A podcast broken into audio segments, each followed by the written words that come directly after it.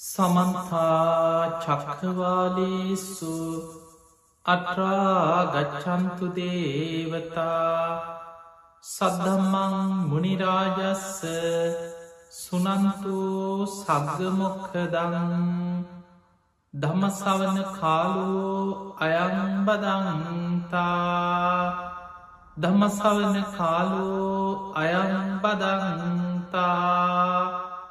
දම්මසවන කාලෝ අයම්බදන්තා. නමොතස්ස භගවතු වරහතු සම්මා සම්බුද්ධස්ස නමොතස්ස භගවතු වරහතු සම්මා සම්බුද්ධස්ස නමොතස්ස භගවතු වරහතු සම්මා සම්බුද්ධස්ස හැම දෙනාටම තෙරුවන්සන්න ප්‍රාර්ථනා කරමින් අදත් ඔබ හැම දෙනෙකුටම කළමු ටෙලිවිෂන් මෙත් සදහම් විකාශය ඔස්සේ මේ ධර්මශ්‍රවනය ලක්වාසී ලොවාසී හැම දෙනාටමත් මේ ධර්මය ශ්‍රවනය කරන්න අවස්ථාව ලැබෙන විශේසේ ඔස්ටේලියාවේ සිට පටිගත කරමින් අන්තර්ජාලය ඔස්සේ මේ විසරවා හරින මේ ධර්ම දේශනා විශේසෙන් කළඹු ටෙලිවිෂන් මෙ සඳහම් විකාශය තුළින්. කළඹු ටෙලිවිෂන් අන්තර්ජාල මාධ්‍ය ෆේස්බුක් පේජ් එක ඒවගේ විශේෂය අපි වටා එකතු වෙලායි විශේසින් අපේ පේස්බුක් පේජ් එකත් එක්ක ලක්ස පහකට එහා විශාල පිරිසක් එකතු වෙලාඉන්නවා ඒ හැම දෙනාටමත් YouTube ඔස්සේ මේ ධර්මේශ්‍රවනයකට ලක්වාසි ලොවාසී හැම දෙනාටම. අපි ධර්මය ඔබවෙ තරගෙන යන්න පුළුවන් හැම මාධ්‍යයක්ම උපයෝගී කරගෙන වර්තමානය බුදුරජාණන් වහන්සේගේ ධර්මය ලක්වාසී ලොවාසේ හැම දෙනාටමත් ශ්‍රවණය කරලා ජීවිතයේ සකස් කරගන්න පුළුවන් ආකාරයට ධර්මදානමේ මහා පින්කමක් මේ තුළ සිදු කර. තිං අද මේ උතුම් ධර්මදානමය පින්කමේ පින් බර දායකත ධර්මින් කටයුතු කරන්නේ ඔස්ටේලියාවේ මෙල්බන් නුවර සිටින ඉන්ද්‍රාණි පියතිලක මෑණය තේ මෑණයන් තමයි මේ ධර්ම දේශනාවේ දායකත්ති ධර්මෙන් කටයුතු කරන්නේ වස්සර දහනමයකට පෙර අභාවක් ප්‍රාප්ත වූ කලාහේම පියතිලක තම ස්වාමයාට පින් අනුමෝදන් කිරීම ප්‍රධාන මරමුණක් ඒවගේම මිය පරලවගේ පරම්පරාගත සංසාරගත ඥාතීන්ට පින්දී. AB කරුණාවතී මහත්මිය ඒ මෑණියන් PH පීරිස් සිල්වා මහතා පියාණන් සිරිසේන සේනානායක ශීලා සේනානායක කියනේ දෙපල ඇතුළු හේම සිරි ගුණරත්ත මහත්මා ඇතුළු වර්ග පරම්පරාගත සංසාරගත සියලු ඥාතිී. පින් අනුමෝදන් කිරීමත් විශේෂෙන් ඉන්ද්‍රාණි පියතිලක මෑණයන්ට නිදුක් නීරෝගී භාවය තුළුරුවන්ගේ ආශීර්වාදය සැලසේවා කියන ආශිර්වාද ප්‍රාර්ථනාව. ජූනි මාස විසි අට වැනි දිනට ජන්මදිනය සැමරූ චන්දනී පිය තිලක දියනියටත් නිදුක් නීරෝගි සම්පත්තිය සැලසේවා කෙන ආශිර්වාද ප්‍රාර්ථනය පවුලේ බෑනවරු මුණුපුරු මිනිපිරියන් ඇතුළු හැම දෙනාටමත් ධර්මශ්‍රවනය කරන ලක්වාසි ලෝවාසෝබ හැම දෙනාටම. ධර්මාවබෝධය පිණිසම මේ පිනාශිර්වාදයක් වේවාකින් ප්‍රාර්ථනය ඒ පිංහතුගේ පින්බල දායකත්වය අරමණ බවට පත්වෙන්න. තිය හැම දෙනාටමත් ඔබ හැම දෙනාටමත් මේ උතුම් ධර්මශ්‍රවනය නිවන්දුරටුවක් බවට පත්වේවා කියල අපි මුලින්ම ආශිර්වාද ප්‍රාර්ථනා කරන. පිංහතුනේ අදාපි මේ ධර්මාණු ශාසනාවද විශේසිෙන් ඔබට කල්ප විග්‍රහයක් ගැන මේ කල්පය ගැන ඔබ තේරුම් ගත යුතු ආකාරය ගැන විස්තර කරලා දෙන්න. ඒ වගේම අපිට මේ කල්පය කියන්න මොකක්ද ආයුෂ් කල්පය කියන්න මොකක් අන්තක් කල්ප කියන්න මොනවද? මහා කල්පයකට අන්තක් කල්ප කීයක් තියෙනවාද? ඒ වගේ මේ විශ්වය විනාස වෙන්නේ ලෝක විනාසයක් සිද්ධ වෙන්න කොයි ආකාරයට මේ ලෝකධාතුවක් හටගන්න කොයි ආකාරයට ඒ වගේ විශේසෙන් මෙවැනි යුගයක ජීවත්වෙන අපි අපි දන්න අද ලෝක එන්න එන්න විපත් වැඩිවෙන යුගයක්. නොසිතන විදිහට. ස්භාවික විපත් වසංගත රෝග විපත් වේගෙන් ලෝක පැතිරීගෙන යන කාලය. එවැනි යුගයේ අපි අපේ පෙරපින් මතු කරගන්න කොහොම අපේ ජීවිතවල අපිට අපි සසරි කරපු පින් තියෙන ජීවිතේ බේ ජීවිතය කරපු පින්තිනව යටපත් වෙච්චේවා ඒ පිනේ විපාක මතු කරගෙන කුසල් බලවත් කරගන්න කොහොමද? අද අපි මේ ධර්මාණු ශාසනාව තුළ ඉතාම වැදගත් මේ කාරණා කීපයේ සාකච්ඡා කරද. පිංහතුනි ඔබත් මමත් අපි කවුරුත් ජීවත්වෙන්නේ බොහොම භයානක සංසාර ගමන. බුදුරජාණන් වහන්සේ සංයුක්ත නිකායේ අනුමතග්ග කියන සංයුක්තය තුළ දේශනා කරා අනුමතක්ගෝ භික්කවේ සංසාරෝ. මහනෙන මේ සංසාර ගමන අනවරාග්‍රයි. පුබ්බා කෝටි නැපඥ්ඥායති පටන්ගත්ත කෙලවරක්හත් හොයන්න බැරිතර දීර්ග සංසාර ගමන. මේ සත්වයාගේ සංසාර ගමනේ පටන්ගත්ත කෙලවරක් බුදු කෙනෙකුට බුදුවැසිංවත් දකින්න බැරි තරන් දීර්ග කෙලවරක් නොපෙනෙන සංසාර ගමනව. දැන් අපි ගත්තතුන් අපි ඉස්සල්ලා කල්පේ ගැන තේරුම් ගන්න කලින් මේ උපමා කීප තේරුම් ගම දවසක් බුදුරජාණන් වහන්සකින් අහනවා සාමයනින් භාකතුන් වහන්ස ඔය කල්පය කල්පය කියනො කල්පය කියන කොච්චර දැන් අපි මේ කතා කරන්නේ මහා කල්පයක් ගැන.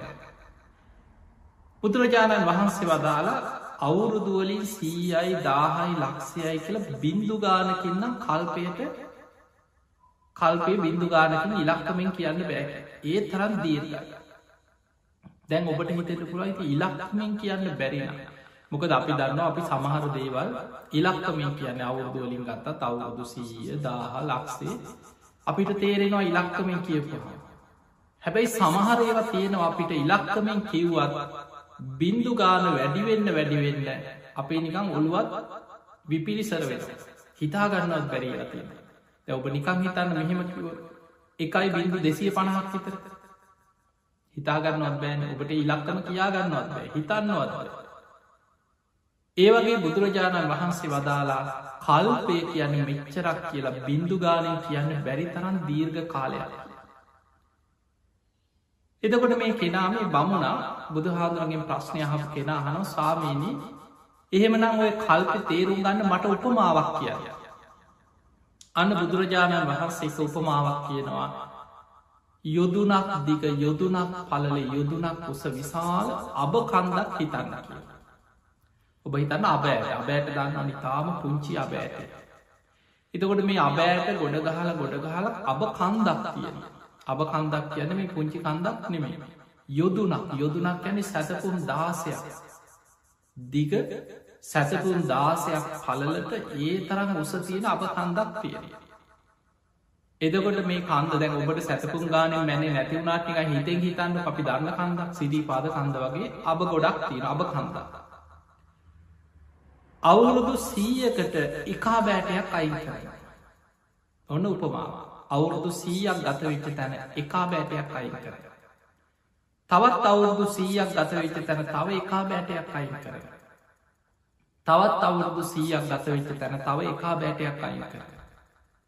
ඔය විදිහට යම් කාලයක් එනවද අර විශාල අබකන්ද අවසන් වෙන. අවුරුදු සීයකට එකා බෑටේ බැගින් ඉවත් කරලා යොදුනක් දිග යොදුනක් පලල යොදුනක් තරන් උස අබකන්ද අවසන් වෙන දවසක් වෙනවද. මහා කල්පයක් කියන්නේ ඒ තරන් දීර්ඝ කාලයක් කියලා බුදුරජාණන් වහන්සේ උපමාවකින් දේශනා කර. දැන් ඔන්න ඔය උපමාවෙන් අපිට ටිකක් තේරෙන. තවත් තියෙනවා අනමතක්ග සංයුක්ත කල්පය ගැන තවත් වෙන විදිහ විග්‍රහය. එතනදිත් බුදුරජාණන් වහන්සකින් විමසනා සාමීනී භාග්‍යතුන් වහන්ස කල්පය කල්පය කල්පය කියනවා කල්පය ගැන කොච්චරට. බුදුරජාණන් වහන්සේ සනදි අර පිළිතුරම දෙනවා අවුරුදුවලින් නම් බින්දුගානේ සීයයි දාහයි ලක්ෂයයි කියලා ඉලක්කමින් කියන්න බැරි තරන් දීර්ගයි. අනේ ස්වාමිනී නම් උපමාවක් කියන්න. අන්න බුදුරජාණන් වහන්සේ වෙනත් උපමාවක් කියන. යොදුනක් දිග යොදුනක් පලල යොදුනක් උස විශාල ගල් පාරෝතයක් තිය. තනි ගල. මේ ගල පුහර නැති සිදුරු නැති බොල්වෙච්ච නැති තනි ගල. අවුරුදු සීයකට එක වතාවක් සිනිදු සලුවක් යනතන් උඩින් පිහදාගෙන ඇතිල්ලීගෙන යන. ඒ කාලි තිබුණ කසී සල්ල. ඉතාම සිනිදු සල්ල. අපිනි අහිතම යන්තන් උඩින් පිහදාගෙන යන. අර ගලවලි කසී සල්ල. අවුරුදු සීයකට එක වතාව ආයමත් අවුරුදු සීයක් ගෙවිච්ච තැන තවත් එක වතාව කසී සලුවති යන්තන් උඩින් පිහදා තවත් අවුරුදු සීයකට පස්සේ ආයත් තුළින් පිහදා යම් දවසස් කෙනවද මේ පිස දැමීම නිසා අවුරුදු සීයකට එකවතාව පිස දැමීම නිසා මේ විශාල ගල් පරතය ගෙවිලා ගෙවිලා ගෙවිලා ගෙවිලා අවසන්ම වෙලා යන දවසක්කෙයිද. කල්පය කියන්නේ ඒ තරන් කාලයක් මහා කල්ප එකක් ගැනොය කිය. ඒ වගේ හිතාගන්න කිය. දැන් ඔබට තවත් තේරෙනවා. ඔබේ ගෙදර ඇති මිරිස් කල. ඔබේ පරණ මහගෙවල් ගැන හිතන්න. පරම්පරා දෙක තුනක් ඔබේ ආච්චිල සීලගේ කාලේ නම් ගෙදර තිබ මිරිස් කල ගැන හිතන්න. ඔය මිරිස් කල කාලයක් යනකොට ලූුණු තලනවා මිරිස් සබරනවා සම්බෝල හදනවා නොඒක් විදිහට ඔයි මිරිස් කලේ කාලයක් යනකොට අවුරුදු ගානක් යනකොට මැදින් චුට්ටක් වල වගේ හැර එතකොට හිතන්න කී වතාව දවසකට කොච්චර නල් ලූුණු තලනවා මිරිස් සබරනවා කොච්චරනං ගල ගෙවෙන කාරණා. එතකොට මෙතන කිය දැ බලන්න එතකොට ගලක් ගෙවෙන ආකාරයට තේරෙන. කොච්චර කාලයක් යනවද යන්තම් වල වගේ ගලක හැරය. මේ උපමාව බුදු හාන්දුරුව පෙන්නුවේ අවුරුදු සීයකට එක වතාවක් යම්තන් සිනිදු සල්ුවකි මුඩින් පිහදාන විතර. ඒ පිස දැමීම නිසා යම් පුංචි ප්‍රමාණයක් මේ ගලේ ගෙවෙනවා. මේ ගල පුංචි ගලක් නෙමේ යුදුනක් දිග. යොදුනක් පලල යොදුනක් උස කැන සැතපුම් දාසයක් දිග පලල උස ඇති විශාල ගල් පරතයක් ගෙවිලා ගෙවිලා ගෙවිලා අවසන් වෙනවාද මහා කල්ප එකක් කියන්නේ වගේ ඔය ගැන එක කල්පයක උපමාව දැන් ඔන්න ඔබට අපි කල්පයක උපමා දෙකක් කියලදල අර අබෑට උපමාවයි ගල් පරෝතයක් ගෙවෙන උපමාවයි තැන් ඔය උපමා දෙකෙන්ම තේරුම් ගන්න ඕන මහා කල්ප එකක් කියන්නේ මෙන්න මේ වගේ දීර්ග කාලය. ඊළඟට ඔබ මතක තියාගන්න අපි කතා කරනවා සාරා සංකේය කල්ප ලක්සේ. අපේ බෝසතාණන් වහන්සේ දීපංකර පාදමූලි විවරණ ගත්ත තැනයිදං සම්මා සම්බුද්ධත්වයට පත්වෙන තැන දක්වාම සාරා සංකය කල්ප ලක්ෂයක් දසපාරමී සම්පූර්ණ කරගෙනාව කිය. දැන් හිතන්න අර කිව එක මහා කල්පය. එවැනි මහා කල් අර ගල් පරවතයක් ගෙවෙන කාල අබෑට උපමාව ඔය උපමාවෙන් කීවේ එක මහා කල්පයක කාලය. එතකොට එවැනි මහා කල්ප අසංකයේ හතර තවත් කල්ප ලක්ෂය සාරා සංකීය කල්ප ලක්ෂය. අසංකේය කියලා කියන්නේ එකයි බින්දු එකසිය හතලිය. එතකොට එවැනි එකයි බින්දු එකසිය හතලිහේව හතර ගුණයකුත් තවත් කල්ප ලක්ෂයක් තමයි සාරා සංකීය කල්ප ලක්ෂය. දැන් ඔබට මේටික යනතං හරි තේරුණානම් ඔබට තේරෙනවා අපේ බෝසතාණන් වහන්සේ බුද්ධත්තය පිණිස දීපංකර පාදමූලේ ඉඳං දස පාරමී සම්පූර්ණ කරගෙන ආපු කාලෙ කොච්චර දීර්ඝ කාලයක්. ඔය සාරා සංකීය කල්පලක්ෂය තුළම මේ ලෝකයේ මේ විශ්වයේ පහළ වනේ බුදුරජාණන් වහන්සේලා විසි හතර නමක් පමණයි. සූවිසි විවරණ ලැබවා කෙළු පහලතිය.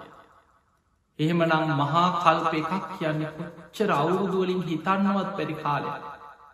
එතකොට එවැනි කාල අසංකය හතරකුත් තවත් කල්ප ලක්ෂයක් සාරා සංකයේ කල්ප ලක්ෂයක් දසපාරමී සම්පූර්ණ කරලා අපේ බෝසතාණන් වහන්සේ මේ මහා බද්ධ කල්පේ හතරවැනි බුදුරජාණන් වහන්සේ හැටියට සම්මා සම්බුද්ධත්වයට පත්වේ.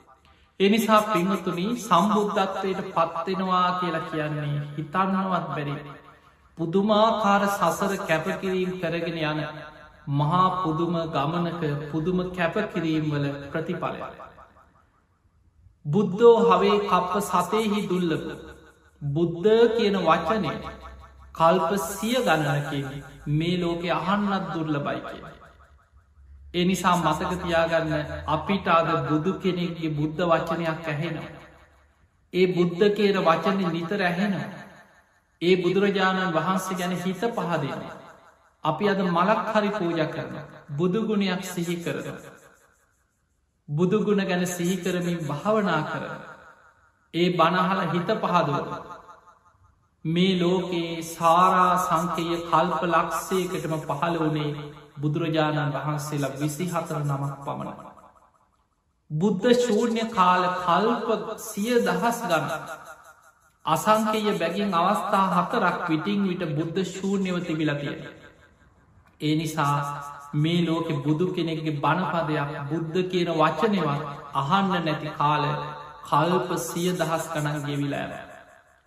මතකතියාගන්න ඔය දීර්ග කාලය තුළ අපිට මෙච්චර කාලයක් කියල හිතුවට ඔබත් මමත් මේ බණහන සියලු දෙනාමත් මේ සංසාර ගමනේ ඔය කාලෙ කොහේ හරි ඉපදීපදියාව කෙලවරක් නොපෙනෙන සංසාර ගමන ආපු පිරිසක් ඔබත් මම අපි ඕන තරන් නිරේවල්වල දුක්විඳ විඳ ඉන්න ඇති කල්ප කරන තිරිසං අපායවල්වල වැටිලා කොච්චර දුක්විඳ ඇත සසස ප්‍රේතාපායවල්වල කොච්චරනන් සසරි දුක්විඳ ඇද අසුරාපායවල්වල කොච්චර දුක්විඳ ඇද හිඟන්න වෙලා සමහර වෙලාවට අතපයි විකෘති වෙලා ඉපදිලා මානසික රෝගීන් හැටියට ඉපදිලා ගුටිකාල පිහි අනුව කාල මැරිච්චවාර මේ දීර්ග සංසාර ගමනේ අනමතක්ග සංයුක්ති බුදුරජාණන් වහන්සේ පෙන්න්නනවා මහනෙන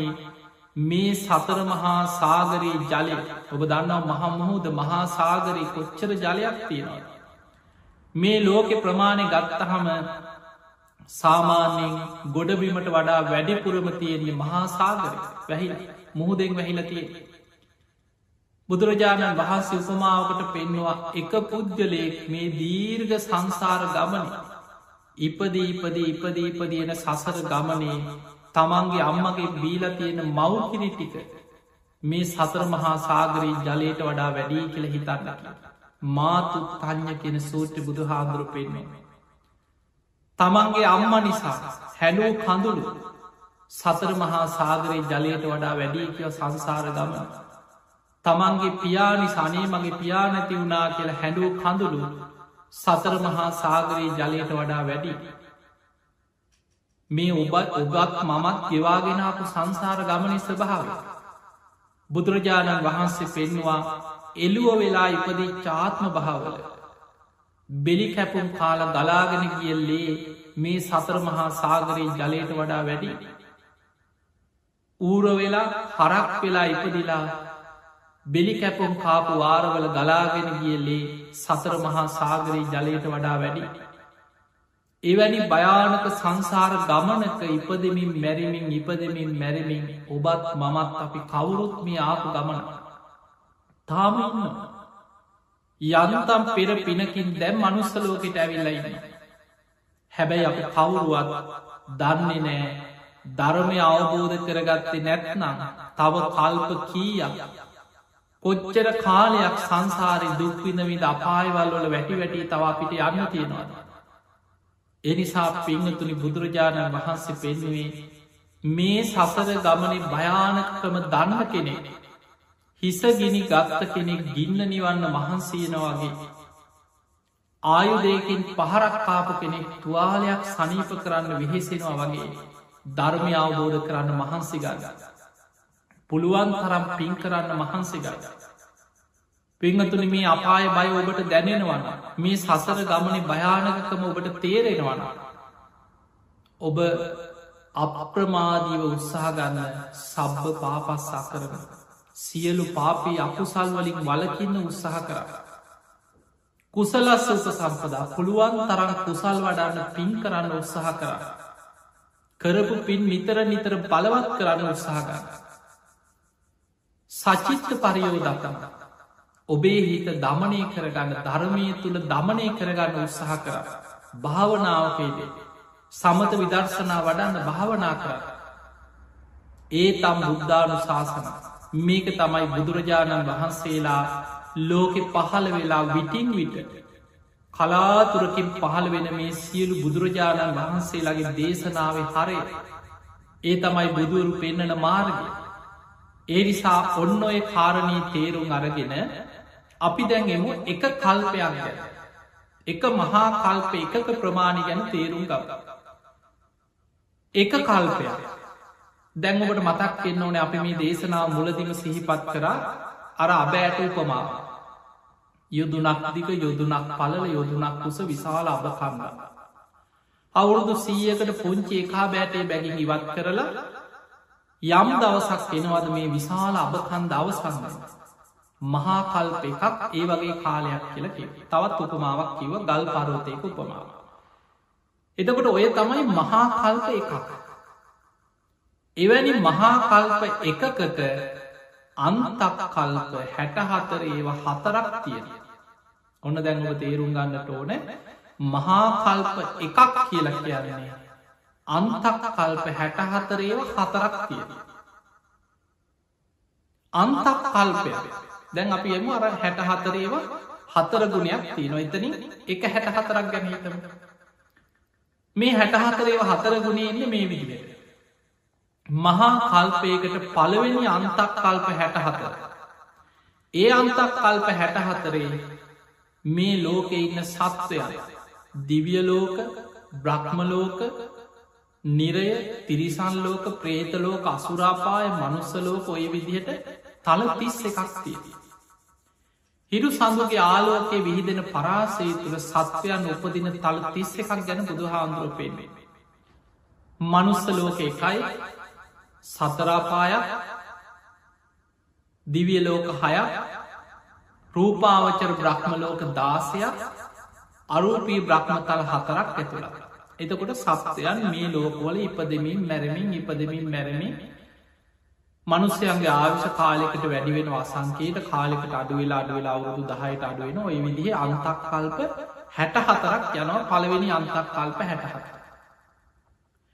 ඒ පළවෙනි අන්තක්කල්ප හැටහතරෙන් පස්සේ මේ තල තිස්සයකින් යුක්ත මේ ලෝක දහතුවම විනාස වෙන්න පටන්ගන්න ගිනිගෙන විනාස වෙන්න පටන්ගන්න. ඒ විනාස වෙමින් පවතිනවා තව අන්තක් කල්ප හැට හතරක් එකනට දෙවනි අන්තක් කල්ප හැට හතරම විනාස වෙමින් පවතිනවා ලෝක දහතුර. ඒ විනාස වෙන හැටියෝ බහල ඇති සත්ත සුරියොද්ගමන කියන සූත්‍ර දේශනා දැන්ව නොබට බණහපු කෙනෙකුන්න මතක්වෙනවා බුදුරජාණන් වහන්සේ දේශනා කරා කාලයක් යනකොට මේ තියෙන සූරයාට අමතර තවත් සූරියාවගේ ආලෝක පෘථවයට වැට. එතකොට මේ තියෙන උණුසුම දෙගුණ වෙන. ගංගා ඇල තුළ හිදීගෙන හිදීගෙන යනවා විශාල රස්නයක් හටගර. ඊළඟට තවත් බොහෝ කාලයක් යනකොට තවත් සූරියාවෙන්ගේ ආලෝකයේ මේ පෘතුවියට වැටෙන. ඔය විදිහට සූරියාව හතක් පායන. එතකොට මේ හතක් පායන්න තර අන්තක් කල්ප හැටහතරක් යන දෙවනි අන්තක් කල්ප හැටහතර. ඒ හැටහතර තුළ තමයි සූරයා හතක්කගේ ආලෝකෙ වැටිලා මේ මනුස්සලෝක විතරක් නෙමෙයි අර තල තිස්සයකින් යුක්ත මේ ලෝක ධාතුව ගිනිගෙන විනාස වෙලා අලු දූවිලි බවට පත්වෙලා යන. හැබැයි මතක තියාගන්න මේ සත්වයන්ට මොකද වෙන්න කියලා ඔබට හිතේ. එහෙනම් අර හිටපු මනුස්්‍යයන්ට අපායවල් වල හිටපුයි දිවියලෝකෝල හිටපුයි අකනිටා බඹලෝ දක්වා මේ සියලු සත්වයන් ලෝක දහතුවම ගිනිගෙන විනාස වනත් ඒ අය ආබස්තර නමින් අහසේ පාවිපාවින්න සත්ත කොට සක්ස් බවට පත්වෙනවා කියලා තියෙන. සත්‍යයන්ගේ අවසානයක් වෙන්නේ.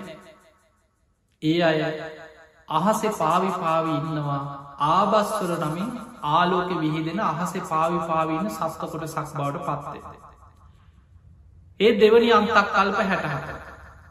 ඊළඟට තුන්වෙනි අන්තක් කල්ප හැටහතරම විනාස වෙලා පවති. අර විනාස වෙමින් පැවතුන ඊට පස්ස විනාස වෙලා පවතිනවා තුන්වෙනි අන්තක් කල්ප හැටහතර. හතරවැනි අන්තක් කල්ප හැටහතර කියන්නේ අර විනාස වෙලා අලු දූවිලි වෙලා විනාස වෙලා තිබිච්ච මේ විශ්වයේ ලෝක දහතු ආයමත් ටික ටික ටික ටික සකස් වෙන්න පටන්ගන්න. ඒ සකස් වෙන්න සම්පූර්ණයෙන් ආයමත් මේ ප්‍රමාණයට මනුස්සලෝක දිවියලෝක බ්‍රහ්මලෝක අපායවල් මේ විදිහට ආයමත් හැදිලා ඉවර වෙන්න අන්තක්කල්ප හැට හතරක් යන්න. ඒ හැදෙන හැටි තමයි දීගනිකාය අග්ගඥ කියන සූට්‍ර දේශනා විස්තර වේ. දැන්ගොන්න ඔබ බණහපු කෙනෙක් නම්. ඔබට මේ කාරණා කියනකොට මතක් එන්න ඕන අග්ගඥ සූත්‍රය. අග්ගඥ සූත්‍රය තමයි තියෙන්නේ ඉස්සරලාම පෘතුවයක් ආයමත් හැදෙනකොට මේ මහපොළොව නිකං කිරිවල යොදේ වගේ කෙන පෘතුවි පෘෂ්ටේ. ඉස්සල්ලාම නිකං අර කිරිවල යොදේ වගේ පෘතුවයක් හැදෙන්ට පටන් ගන්න. ඊට පස්සේ ටික ටික ටික ටික මේ ගනවෙන. අර ආබස්වර නමින් අහසේ පාවිපාවන්න මේ සත්‍යයන් ටිකක් පොළොවට ළඟ වෙලා අර කිරිවල යොදේ වගේ සුවද හමන මේ පෘතුවි පෘෂ්ටේ ආග්‍රහණය කරන සුවඳ ආග්‍රහණය කරන. ඊට පස්සේ කාලයක් යනකොට ඒ අයි තවත් ලංවෙලා ඒ පෘතුවි පුෘෂ්ටය දිවගාල බලන්න පුරුතු වෙන. ඒ ආහාර කරගන්න ආය කාලයක් යන. ඉස්සල්ලාම පෘතුවී හැදෙන් ඒ වගේ කිරිවල යොදේ වගේ කන රස පොළොවක් තියෙන. ඊළඟට මේ ආබස්වර නමින් අහසේ පාවි පාවීන්න පිරිසාර පොළොව රස පොළොව ආහාර කරගන්න. එතකොට ඒ අගේ ශරීර කාලයක් යනකොට ගොරෝසු වෙලා වෙනද වගේ අහසින් යන්න බැරිවේ. අහස පාවි පාවින්න පිරිස පොළොව මට්ටමට. ඊට පස්සේ පොළොවේ හටගන්න කාලයක් යනෝ මේ දවසෙන් දෙකින් වෙන දේවල්න මේ අර මහා අන්තක් කල්ප හැට හතරක කාලයක් තුළ සිද්ධ වෙන දේවල් පොළොවෙන් ඉස්සල්ලාම මුලදී රස පොළොව ආහාර කරගන්න. ඊට පස්ස පොළොවෙන් හටගන්න ඇල්වී කියලා වීවර්ග පොළුවෙන් හටගන්න හතු විශේෂයක් ඒකටිකැන භූමි පප ඩංකිල් හතු විශේෂයක්. එදකොට මේ වගේ විස්තර දිග දේශනාවක් තිය. ඒ දේශනාවතින දීගනිකාය අත්ගන්න සූත්‍ර. එදකොට ඔන්න අන්තක් කල්ප හැට හතරයෝ හතර සම්පූර්ණ වෙන්න ඔය විදිහ. පළවෙනි අන්තක් කල්ප හැට හතර තමයි මේ සප්තයක් මේ විදිහට ඉපදමින් මැරමින් මේ තල තිස්සේකි යුක්ත ලෝක ධාතුව තුළ ආවිශ කාලෙකට වැඩි වෙනවා අඩුවෙන ඔහොම අඩුවවී වැඩිවී අන්තක් කල්ප හැට හතරක් පුරාවට යන. ඒ අන්තක් කල්ප හැට හතරෙන් පස්සේ ලෝක දහතුවම විනාශවීම පවතින අන්තක් කල්ප හැට හතර. ඒ දෙවනි හැට හතර. තුන්ගනි අන්තක් කල්ප හැට හතර විනාස වෙලා පවති. හතරවෙනි අන්තක් කල්ප හැට හතර විනාස වෙච්චදේ ආයමත් පෙරවිදිහට සකස් වෙමින් පවතිී. ඔන්න ඔය අන්තක් කල්ප හැට හතරේව හතරක ප්‍රමාණය තමයි මහා කල්ප එකක් කියලා කිය. ඔන්න මහා කල්ප එකක් අපි අන්තක් කල්ප හැට හතරේව හතරකට බෙදල විස්තර කරලා තේරුම් ගත්ත. මහා කල්ප එකක්. ඒ මහා කල්ප එකක් කියනකට දැන් මතක්කෙන් ඕන අරූපමාව. අරාබෑට උපමාව විශාල ගල් පරෝතයක් අවුරුදු සීයකට වතාවක් සල්ුවකින් පිහ දාලා ගෙවිල අවසන් වෙන උපමාව. දැන් අපි එමවාට පළවෙනි අන්තක් කල්ප හැට හතරය කොහොමද විස්තර වෙන්න කියලා තේරුම් ගන්න අර හැට හතරේව හතරෙන් පළවෙනි හැට හතර. එතන අන්තක් කල්ප හැට හතර. අන්තක් කල්ප එකක් කියන්න කියද්ද කියලා බලම දැන්න. අන්තක් කල්ප එකක් කියලා කියන්නේ. මේ මනුස්සලෝක ජීවත්වෙන මිනිස්සුන්ගේ ආවිශ පිංහතුනේ මේ කාරණ ඔබ නුවනින් විශ්වය ගැන තේරුම් අරගෙන මේ සංසාර බය ඇති කරගන්න. නමුත් මේ ගොඩක් දේවල් ඔබට අපට ගෝචර වෙන්න මේක බුදු කෙනෙගේ විශ්ය මේ ලෝක විශ්‍ය අචින්තියයි. ඒ අපි මුලින්ම තේරුම් ගන්නට අපි මේ කතා කරන දේවල් බුදුරජාණන් වහන්සේ බුදුවැසින් බුදුනුවනි ලෝකෙ දිහා බලල දේශනා කරපු දේව එතකොට අපි ඒවා අහලා මේ විශ්වයේ ස්වභාවේ ගැන ඊළඟට බුදුරජාණන් වහන්සේගේ ලෝක විදූ ගුණේ ගැන හිත පහදවන්නට. මේ ස්වභාවේ සියල්ල බුදු කෙනෙක් බුදුනුවනින් අවබෝධ කරගත්තා නේද කියලා හිත පහදවාගන්නට. එතනින් එහා අපිට තර්ක විතර්ක කරලා ඒක කොහොමද ඕක කොහොමද අපිට දකින්න බෑ. අපේ නුවන පුංචි අපිට විශ්වය ගැන දකින නුවනක් අපිට නෑ. අපිට පේන්නේ අපි මේ ජීවත් වෙලා ඉන්න සුළු කාලයක් තුළ මේ අවුරුදු කීපයක් තුළ සංඛ්‍යාලයකන ටිකක් විතර අපිට තියෙන. දැම් බලම අන්තක් කල්පයක් කියන්න අර අන්තක් කල්ප හැට හතරෙන් එක අන්තක් කල්පය. අන්තක් කල්පයක් කියල කියන්නේ මනුස්්‍යයන්ගේ ආවිෂ අවුරුදු දහයි දන් ටික ටික වැඩිවෙවී වැඩිවෙවී යන කාලතියෙන. මිනිස්සු කාලෙකට මේ ලෝක ගුණධර්මවලින් වැඩිවෙවී වැඩිවෙවී වැඩිවෙවී යනකොට ආවිෂ වැඩිවෙන. මිනිස්සුන්ගේ ආවිෂ වැඩි වෙලා වැඩි වෙලා පරම්පරාව පරම්පරාවට ටික ටික හිමීට වැඩිවේගෙන යන්න. එහෙම වැඩි වෙලා වැඩි වෙලා කාලයක් එන අවුරුදු දහස් කන ආවිෂ වැඩි වෙලා අවුරුදු ලක්ෂ ගණනින් ආවිෂ වැඩි වෙලා අවුරුදු අසංකයට ආවිෂ වැඩෙන කාලයක් එන. අද අපිට හිතන්නවත් බෑ. මනුස්සලෝක ආවිශ අවුරුදු අසංකේ යයි කෙනට හිතන්නවත්. කැන දිවිය ලෝකවල දිව්‍ය ආවිශක් ඉක්මවා යන මනුස්සලෝක ආවිශ කාලික. එහෙම අසංකයට ආවිශ වැඩි වෙලා ඒ වැඩිවෙච් ආවිශායමත් එතන ඉදං අඩුවේගේ නඩුවේගේ නඩුවේගේ නඩුවේගේ නැවිල්ලා මිනිස්සුන්ගේ ආවිශ අවුරුදු දහයට මඩුවෙන දවසක්කේ. අන්නේ ආවිශ අවුරුදු දහයට අඩුවෙනකොට අර ආවිශ අඩුවෙන්නේ කෙලෙස් වැඩවීමක්. ඊට පස්ස මිනිස්සු ටික ටික රාග දේශ මෝහාදී අකුසල් බලවත්තය. ක්ලේෂ ධර්මයන් වැඩිවෙන. මිනිස්සු පවකංවලට අකුසල්වලට පෙළබෙනකොට පරම්පරාවෙන් පරම්පරාවට ආවිශ අඩුවවි අඩුවවියෙන්. ඒම ආවිශ අඩුවෙලා අඩුවෙලා අවුරුදු දහයට ආවිශ අඩුවෙනකොට එක අන්තක් කල්පයක් කිවර. ඔන්න එහෙනම් එක අන්තක් කල්පයක් ගැන මිනිස්සුන්ගේ ආවිශ අවුරුදු දහයිදං අවුරුදු අසංකේයට වැඩි වෙලා ඒ අසංකයේ ඉදං අඩුවෙලා අඩුවෙලා අවුරුදු දහයට අඩුවෙච්ච තැන එක අන්තක් කල්පයක් ඉවර වෙන. ඒ අන්තක් කල්ප ඉවර වෙනකොට මතකතියාගන්න හැම අන්තක් කල්පයක්ම අවසානයේ අන්තක් කල්ප විනාසයක් සිද්ධ වෙන. එක ලෝක විනාසයක් නෙමේ මතකතියාග මේ ලෝකෙම විනාස වෙන දෙයක් නෙමේ අන්තක් කල්ප විනාසය. අන්තක්කල්ප විනාසයක් සිද්ධ වෙන්න පුළුවන් ක්‍රම කීපයක් බුදු හාමුදුරු පෙන්න. සමහර අන්තක් කල්ප ගින්නෙන් විනාස වෙන ලෝකෙ ගින්නෙන් විනාස වෙලා ඉතාම සුළු පිරිසක් විතරක් බේරෙනවා විශාල පිරිසක් ගින්නෙන් විනාස වෙලා එන. සමහර අන්තක් කල්ප ජලයෙන් විනාස වෙන. ඉතාම සුළු පිරිසතුගේ ජීවිත බේරෙනවා ජලයෙන් විනාස වෙන. සමහර අන්තක් කල්ප සුළගෙන් විනාස වෙන. සමහර අන්තක් කල්ප අවියාවිදවලින් එකිනෙකා මරාගෙන ලෝකෙ ලේවිලක් වෙලා විනාසය. දැම් මේ අපි මේ ඉන්න අන්තක් කල්පයට කියන්නේ සත්ත අන්තක් කල්ප විනාසයක් තමයි මේ අන්තක් කල්ප අවසාන තියෙන. අපි මේ ඉන්න මහා බද්ධ කල්පයේ හතරවෙනි අන්තක් කල්පේදී. ඔබ නිතර අහන අපි මේ ඉන්න හතරවෙනි අන්තක් කල්පේ හතරවෙනි අන්තක් කල්ප කියන්නේ අර මහා බද්ධ කල්පේ පළවෙනි අන්තක් කල්ප හැට හතර තුළ තියෙන හතරවෙනි අපි ඉන්න හතරවෙනි අන්තක් කල්ප. දැන් ඔබට ඕක තවත් තේරෙනවා මෙන්න මේ විග්‍රහය තුළ. අපි තේරුම් ගම අපි නන්තක් කල්ප අපි ඉන්න මහා කල්පයට කියන්නේ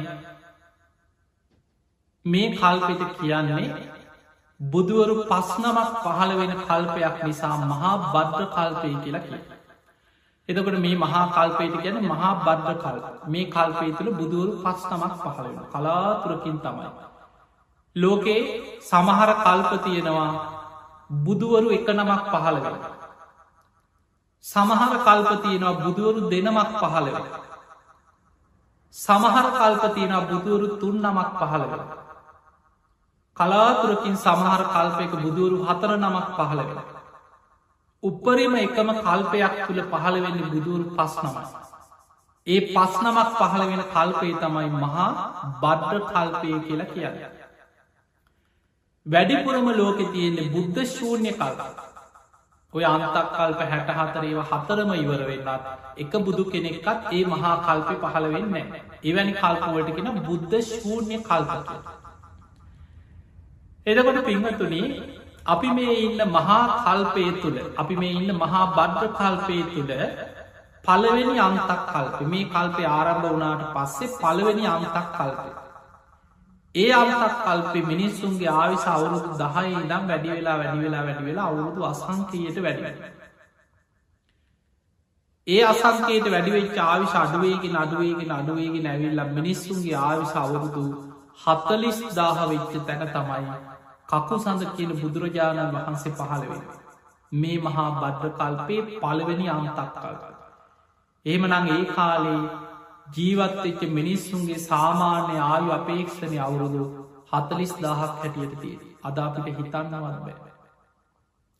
ඒ ආවිශ අඩුවෙලා අඩුවෙලා අඩුවෙලා අවුරුදු දහයට අඩුවෙලා පළවෙනි අන්තක් කල්ප විනාස වෙන. එතනින් ජීවිත බේරෙන අයගෙන් දෙවනි අන්තක් කල්ප ආරම්භව. ඒ අයගෙන් කාලයක් යනකොට ටික ටික ගුණධර්ම වැඩි වෙලා ආවිශ වැඩි වෙලා වැඩි වෙලා වැඩි වෙලා ආයමත් අර අවුරුදු අසංකේයට ආවිශ වැඩිවෙන. ඒ වැඩි වෙච් ආවිශ අඩුවේගේ නඩුවේගේ නඩුවේගේ නැවිල්ල මිනිස්සුන්ගේ ආවිශ අවුරුදු තිස්දාහ වෙච්ච තැන කෝනාගමන කියන බුදුරජාණන් වහන්සේ මේ ලෝක පහල වෙන එකැන මේ මහා බද්ධ කල්පෙත් දෙවනි අම්තක් කල් කෝනාගමන බුදු හාන්දුරු පහල වෙන. එතකොට ඒ වෙනකොට මිනිස්සුන්ගේ සාමාන්‍ය ආවිශවුරුදු තිස්දාහක් කිය. එකත් අපිට හිතාගන්නවත් බෑ. ඒ ආවිසත් ඊට පස්සේ අඩුවේවී අඩුවවී අඩුවවී ඇවිල මිනිස්සුන්ගේ ආවිශාවරුදු දහයට අඩු වෙලා දෙවනි අම්තක් කල්ප විනාසය සිද්ධ වෙන.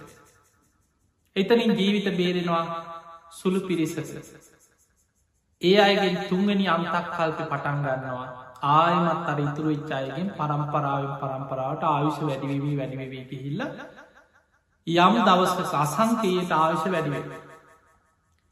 ඒ වැඩිවෙච් ආවිශ අඩුවේගේ නඩුවේගේ නඩුවේගේ නැවිල්ල මිනිස්සුන්ගේ ආවිශ අවුරුදු විසිදාහට අඩුවිච්ච තැන තමයි කාශ්‍යප බුදුරජාණන් වහන්සේ මේ ලෝක පහළවෙන. ගැන මේ මහා බට්ට කල්පේ තුන්ගනි අන්තක් කල්පේ කාශ්‍යප බුදුරජාණන් වහන්සේ පහළ වෙනකොට මිනිස්සුන්ගේ ආවිශ අවුරුදු විසිදාහට අඩු වෙලා. තුන්ගනි අන්තක් කල්පේ ගැන අදට වඩා ගොඩක් වැඩි හැබැ අපිට හිතාගන්නන්න. ඒ විසිදාහය ආවිශත් අඩු වෙලා අඩු වෙලා අඩු වෙලා අවුරුදු දහයට අඩු වෙලා තුන්ගනි අන්තක් කල්ප විනාසව. ඊට පස්ස ජීවිතේ බේරගත්තායගේ පටන් ගත්තේ හතරවෙනි අන්තක් කල්ප. ඔය හතරවෙනි අන්තක් කල්පෙ දැන් ආය ආවිශ වැඩිවෙවී වැඩිවී අවුරුදු අසංකයට වැඩිවෙ. එහෙම අවුරුදු අසංකයට වැඩි වෙලා ඒ වැඩිවෙච්ච තැන ඉදම් ආවිශ අඩුවේගේ නඩුවේගේ නඩුවේගේ නැවිල්ල මිනිස්සුන්ගේ ආවිශ අවුරුදු එකසිය විස්සක් වෙච්ච තැන. අපේ ගෞතම බුදුරජාණන් වහන්සේ පහළ වනා මේ මහා බද්ධ කල්පේ හතරවෙනි අන්තක් කල්පේ හතරවෙනි බුදුරජාණන් වහන්සේ හැටියට. ඒමනං ඔබත් මමත් සරණ කිය අපේ ගෞතම බුදුරජාණන් වහන්සේ පහළ වනේ මේ මහා බද්ධ කල්පේ අර අන්තක් කල්ප හැටහතරේම හතරින් පළවෙනි අන්තක් කල්ප හැටහතරේ හතරවෙනි අන්තක් කල්පේ තමයි පහළවෙෙන. අපේ බුදුරජාණන් වහන්සේ පහළ වනේ මිනිස්සුන්ගේ ආවිශ අවුරුදු දහස් කනන් තියෙන කාලික නෙමේ. මතක තියාගන්න දැන් අපිට අපේ නුවනින් මෙම තේරුම් ගන්න බැරි දේවල් තියෙන. ඒ තමයි මතක තියාගන්න අදාපීන්න මිනිස්සුන්ගේ ආවිශ්ට අවුරුදු සීයනුත් පහලට පිරිහිච්ච කාලෙක. අද සාමාන්‍ය මනුස්්‍යයන්ගේ ආයු අපේක්ෂාව අවුරුදු හැට හැත්තෑව හැත්ත පහතර. හැබැයි අපේ බුදුරජාණන් වහන්සේ පහළ වෙනකට මිනිස්සුන්ගේ ආවිශ අවුරුදු එකසිය විස්සයි. බක්කුල මහරහතන් වහන්සේ අවුරුදු එකසිය හැටක් වැඩෙන. අනුරුද්ධ මහරහතන් වහන්සේ අවුරුදු එකසිය පණහක් වැඩෙන ඒකැර මීට වඩා එනම් ආවිශ ගොඩක් වැඩි. හැබැයි අවුරුදු දහස් ගනන් තිබ්බ කාලවල ලෝක ගැන බුදු හාමුදුරුව පෙන්න්නනවා දීර් ගාවිශ ඇති කාලවල සක්විති රජවුන් ලෝක පහළවෙන. මේ මනුස්සලෝක ආවිශ අවුරුදු දහස් ගනන් තියෙන කාලවල දිවියලෝකවලට වඩා මනුස්සලෝක සැප බහුල වෙන. ඒමනම් අදාපිට හිතාගන්නවත් බෑ දිවියලෝකවලටත් වඩා සැප බහුල මනුස්සලෝක ගැන තියෙනවා විස්තර. ඒ කාලවල මිනිස්සුන්ගේ ආවිශ අවුරුදු දහස් කන. අහසිං යන රජවරු පුුණ්‍ය ඉරදි ඇති සේනා පිරිවරාගෙන යන සක්විති රජවරු ගැන සඳහන් වෙන. එහෙනම් අදාපිටේ වහීන. දැන් අපි තේරෙන තැනකට එන්නේ. අදාපින්න මිනිස්සුන්ගේ ආවිශ අවුරුදු සීය පල්ලහාට පිරිහිච්ච තැන. පිංවතුනී මේ අපි ඉන්නේ මතකතියාගන්න මේක භයානකකම තමයි අවුරුදු සීයෙන් පහලට ආවිශ පිරිහෙනවා කියලා කියන්නේ බුදු හාමුදුරු දේශනා කරනම් මහනෙමී ලෝකෙ මිනිස්සුන්ගේ මනසේ බලවත්වෙන්න තියෙන්න පාපී අකුසල් බලවත්වෙලා. විකෘති කෙලෙස් තුනක් බලවත්වෙන. අධර්මරාගේ විෂම ලෝබය මිත්‍යා ධර්මය කියන ක්ලේෂයන් බලවත් වෙනවා මිනිස්සුන්ගේ ආවිශාවරුදු සීය වෙනකට. ඒ වෙනකොට මනුස්සේගේ මනසේ ඇතිවෙන්න තියෙන සියලු පාපී අකුසල් බලවත් වෙලා ඉවරයි. ඒකැන මනුස්සේගේ ආවිශ අවුරුදු සීය වෙනකොට හිතේ ඇතිවෙන්න තියෙන සියලු පාපී අකුසල් බලවත් වෙලා ඉවරයි. අය අයතුවෙන් ඇතිවෙන දෙයක් ඒ ඇතිවෙච්ච කෙලෙස් විකෘති වෙනවා. අධර්මරාම එක විකෘතිය විෂම ලෝබය මිත්‍යා ධර්මය තුළ. එහෙම කෙලෙසුන්ගේ විකෘති වෙනකොට මිනිස්සු සත්තු වගේ වෙනවා. මනුස්සලෝක අපායවල්. අවුරුදු සීයෙන් පහලට පිරිහෙන්න පිරිහෙට මනුස්සලෝක අපායවල් වගේ වේ ඒම නම් මතකතියාගන්න අදාපි ජීවත්වෙන්නේ මනුස්සලෝකෙ සුගතියක් වුණාට අපායක් වගේ මනුස්ස ලෝකෙකයි දිවිලෝකයක් වගේ කාලික නෙමේ අද මිනිස්සුන්ගේ කෙලෙස් වැඩි අකුසල් බලවත් වැඩි විකෘති ආසාවන් වැඩිමින් මනුස්ස ලෝකයක්. ලෝකෙම එකිනෙකා අදරරාගෙන් විසමලෝබෙන් මිත්‍යා ධර්මයෙන් කෙලෙස්වලින් විකෘති වෙච්ච ලෝකයේ අපිමේ මේ ආවිශස් පරම්පරාව පරම්පරාවට අඩුවෙලා අඩුවෙලා අඩුවෙලා අවුරුදු දහයට අඩුවෙන කාලයක් ගැනතිය. අවුරුදු දහයට මිනිස්සුන්ගේ ආවිශ අඩුවෙනකොට මිනිස්සු දවේශයෙන් ලේ පිපාසෙන් එකිනිකා මරාගන්න. මෘග සංඥා පහළ වෙලා මුරුගසා වරුසාවල් වැහැල ඔබහල ඇති දීගනිකායි චක්‍රවත්ති සීහනාද කියෙන සූට්‍ර බුදු හාමුදුරුව පෙන්න්නනවා ලෝකෙම ලේවි ලක් වෙලා සුළු පිරිසක් විතරක් තනි තනියෙන් හැංගිච්ච ටික දෙනෙක් එතකොට බේරිලා පස්සනි අන්තක් කල්ප පටන්ගන්න එතනට. එතකොට මේ අපි ඉන්න හතරවෙනි අන්තක් කල්ප ඉවර වෙන්නේ මේ ආවිශ අඩුවෙලා අඩුවෙලා අවුරුදු දහයට අඩු වෙලා මෘගසං වර්සාවල් වැහැල එකිනෙකා මරාගෙන ලෝක ලේවිලක් වෙලා ඉවරවෙන. ටික දෙනෙක් බේරෙන. ඒ බේරිච් අයගෙන් අරවගේ ආයමත් ආවිශ වැඩිවී වැඩිවී අවුරුදු අසංකේයට වැඩිවෙන කාලයක් ඇත. ඒ පස්සනි අන්තක් කලා. අසංකයට වැඩිවෙච් ආවිශ අඩුවෙලා අඩුවෙලා අඩුවෙලා අවුරුදු අසූදාහ වෙනකොට තමයි මෛත්‍රී බෝසතාණන් වහන්සේ ලෝක පහළ වෙන. ඒ වෙනකොට සංක කියල සක්විති රජ කෙනෙක් ලෝක පාලනය කරන කාලයක්. මෛත්‍රී බෝසතාණන් වහන්සේ පහළ වෙන කාලෙ සාමාන්‍ය මේ මහා බද්ධ කල්පේ අපි ඉන්න හතරවෙනි අම්තක් කල්පේ තොර මෛත්‍රී බුදු හාන්දුර පහළ වෙන පස්සනි අම්තක් කල් ඊළඟ අම්තක් කල්ප. ඒ වෙනකොට මිනිස්සුන්ගේ ආවිශ අවුරුදු අසූදාහ. ඒ අසූදාහ වෙන්නේ මේ තියෙන ආවිශ අවුරුදු දහයට අඩු වෙලා අන්තක් කල්ප විනාසයක් වෙලා ඒ ඉතුරු වෙනයගෙන් ආවිශ වැඩි වෙලා වැඩි වෙලා අවුරුදු අසංකයට වැඩි වෙලා ඒ වැඩි වෙච්චාවිශ අඩු වෙලා අඩු වෙලා තමයි අසූදාහට අඩුව. අන්න එතනදි තමයි මෛත්‍රී බුදු හාමුදුරු පහළ. ඒනම් අපිට තේරෙනවා ඔය ටික තේරුම් ගත්තනාන මෛත්‍රී බුදු හාදුරු පහළ වෙන්න හිටානින්ද පහළ වෙනවා නෙමි. අද හෙට පහළ වෙනවත් නෙමි. තව අවුරුදුවලින් ගත්තොත් කෝටි ප්‍රකෝටි බිලියන ගානකට එහා වැඩි කාලයක් යයි අපිට හිතාගන්නවත්. මෛත්‍රී බුදුරජාණන් වහන්සේගෙන් පස්සේ තව අන්තක් කල්ප දැන් එතකොට හැට හතරෙන් පස්සනි අන්තක් කල්පතම මෛත්‍රී බුදුහාදුර පහළවෙලා. එතනින් පස්සේ තව අන්තක් කල්ප පනස් නමයක්ම තියෙනවා බුද්ධ ශූර්ණියව යන්න. අර වගේ මවුරුදු අසංකයට වැඩිවෙන ආය අඩුවෙලා අඩුවෙලා අවුරුදු දහයට අඩුවෙන අන්තක් කල්ප විනාසයක් වෙනවා. ආයි බේරෙන අයගේ වැඩි වෙලා වැඩි වෙලා අවුරුදු අසංකේටන ඔය විදි අන්තක් කල්ප පනස් නමයක් ගිය තැන ආයමත් පටන් ගන්නවා ලෝකෙ විනාස වෙවී යන අන්තක් කල්ප හැට හතර කර දෙවනි අන්තක් කල්ප හැට හතර. ඊට පස්ස විනාස වෙලා හැට හතරක්තිය. ඊට පස්සේ ආයමත් ලෝකධාතුව සකස් වෙමින් හැට හතරක්තිය. ඔය විදිහට තිබිල අවසන්න අර හැට හතරේ හතරම ඉවර වෙච්චි තැන තමයි මහා බඩ්්‍ර කල්ප ඉවරවෙේ. එතනින් පස්සේ තව මහා කල්ප කීයක් බුදු කෙනෙක් ලෝකෙ පහළ වෙනවද නැද්ද කියලා තාම විස්තරයක් දේශනාවක නෑ මෛත්‍රී බුදු හාමුදුරු තමයි තව කල්ප කියකින්ද ඊළඟට බුදු කෙනෙක් පහළ වෙන්න කියලා දේශනා කරන්න. එනිසා පින්වතුනී මේ අද ඔබට කියලදීපු දේශනාව හොඳට අහගෙන හිටියන.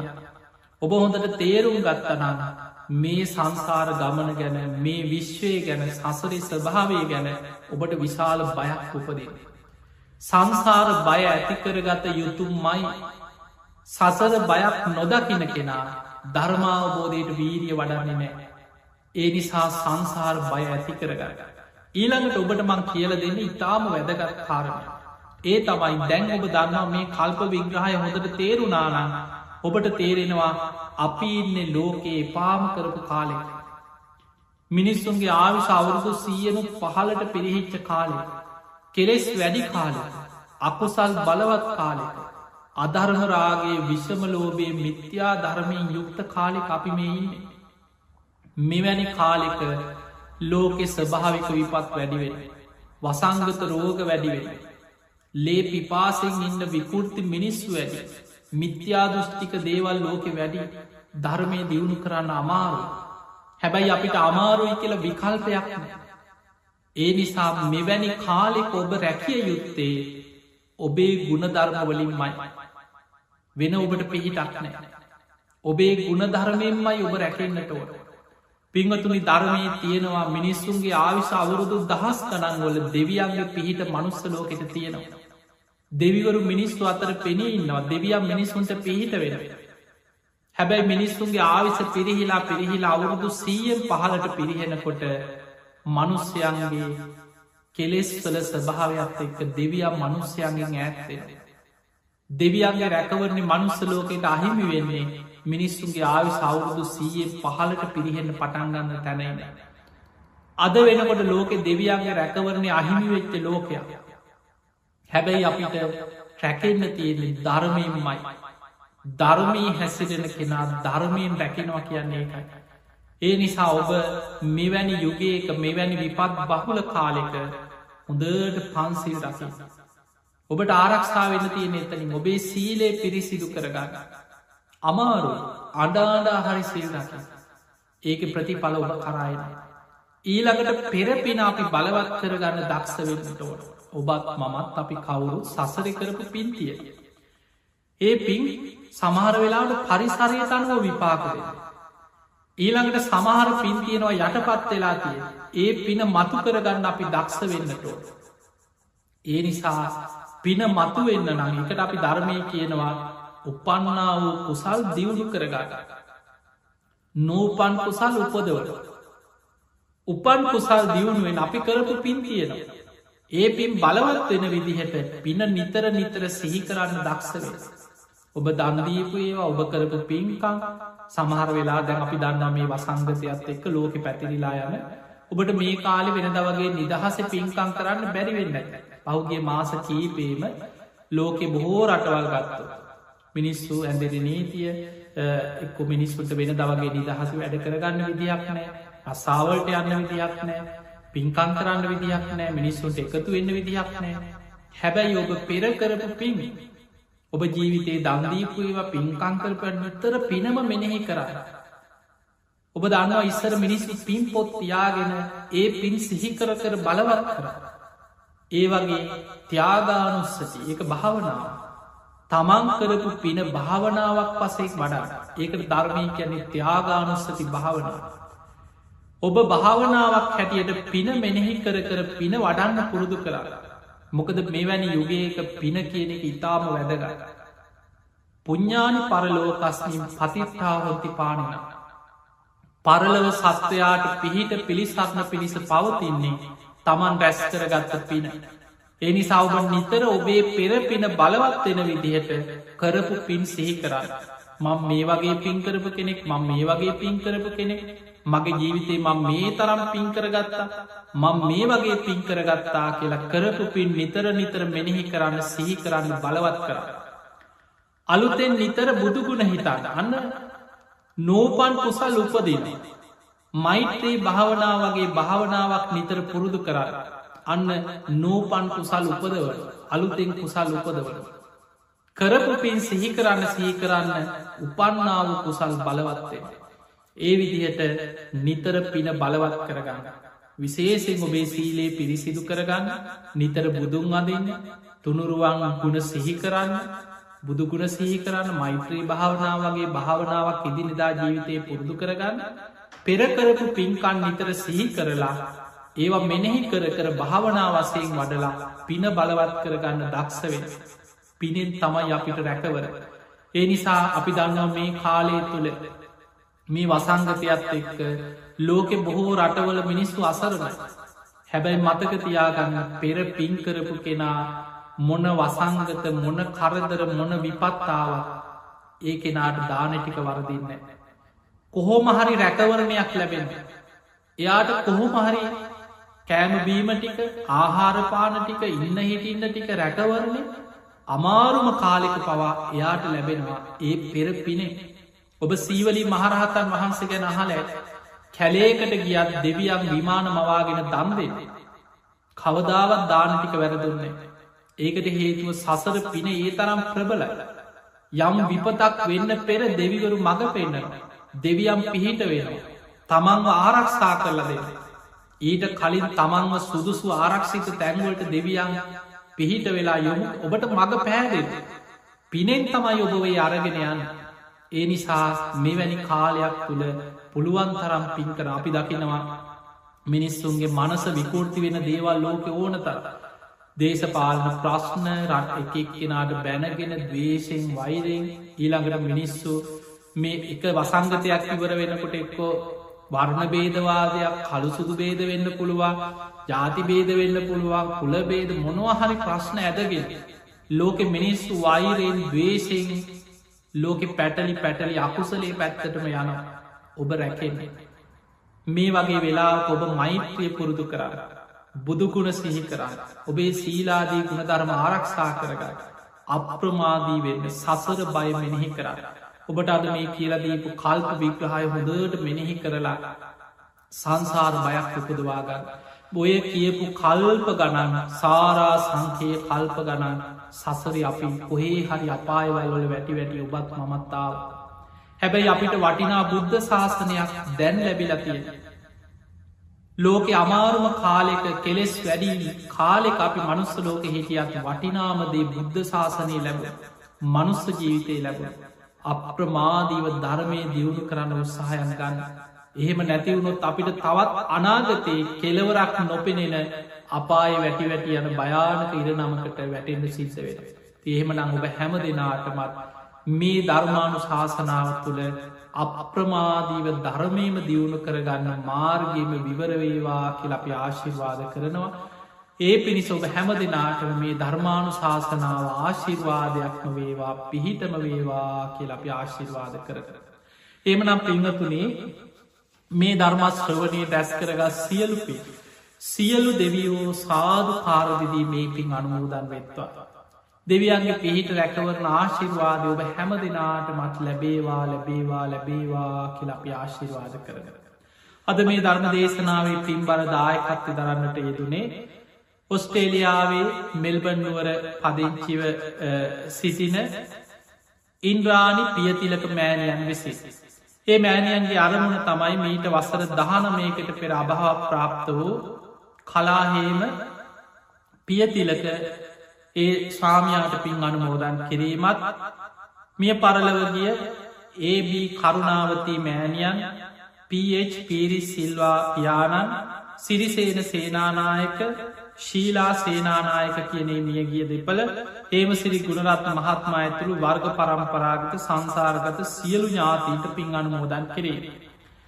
ඒ නම් සඳහන් කරපු ඥාතීන් වගේ ඔබ හැම දෙනා නම මිය පරලෝගිය සියලු ඥාතීන් සාධු කාරදදී මේ පින් අනුමෝදන් වෙත්වා.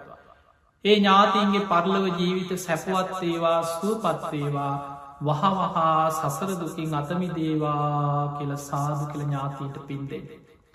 ඒවගේම ඉන්ද්‍රාණි පියතිලක මෑණයන්ට නිදුක් නීරෝගී සම්පත්තිය තුළුරුවන්ගේ ආශිර්වාදය රැකවරණීම සැලසේවා කියලා ආශිර්වාද ප්‍රාර්ථනා කරන.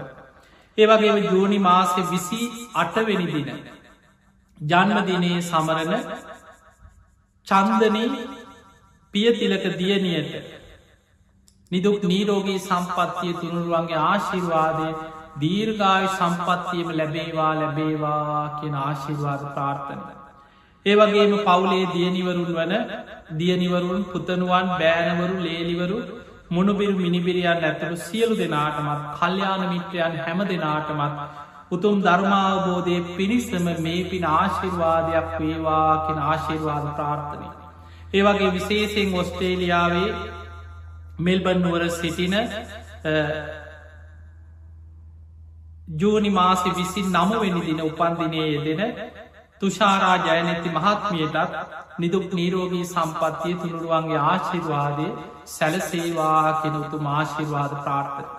තින් එහෙමනගේ හැම දෙනාටමත් මේ ධර්මී ශ්‍රවණය කරපු කළම් ටෙලිවිෂන් මේ සඳහම් විකාශය ඔස්සේ ධර්මය ශ්‍රවණය කරන ලක්වාසී ලෝවාසි ඔබ හැම දෙනාටම. විශේෂෙන් ෆේස්බුක් පිටුව හරහා YouTube චැනල් හරහා සමාජ මාධ්‍ය ඔස්සේ ලක්ෂ සංඛ්‍යාත ලෝකයේ පුරාඉන්න මේ ධර්මය ශ්‍රවණය කර ඔබ හැම දෙනාටමත් අද මේ ධර්මදේශනාවෙන් ධර්මශ්‍රවනයෙන් රැස් කරගත්ත පින ඔබ හැම දෙනාම නිදුක්කේවා නිරෝගිවේවා සුවපත්තේවා ඔබ හැම දෙනාට මුතුම් ධර්මාබෝධය පිණිස්සම මේ පින ආශිර්වාදයක් වේවා වේවා කියලපි ආශිර්වාද කරන. ඔහුම ඇඳගන්න. අභිවාදන සීලිස්ස නිච්චංවදහා ප්‍රචායිනෝ චත්තාරෝ ධම්මා වඩ්ඩන්ති ආයුවන්නෝ සුකම් බලන් ආයුරාරෝග්‍ය සම්පත්ති සග සම්පත්ති මේ වෙච්ච අතෝ නිබ්භාන සම්පත්ති මිනාතේ සමිච්චතු හැම දෙනාම නිදුක්වේවා නිරෝගිවේවා සුවපත්තේවා සුවපත්තේවා සුවපත්තේවා හැම දෙනාටම තෙරුවන් සරණ.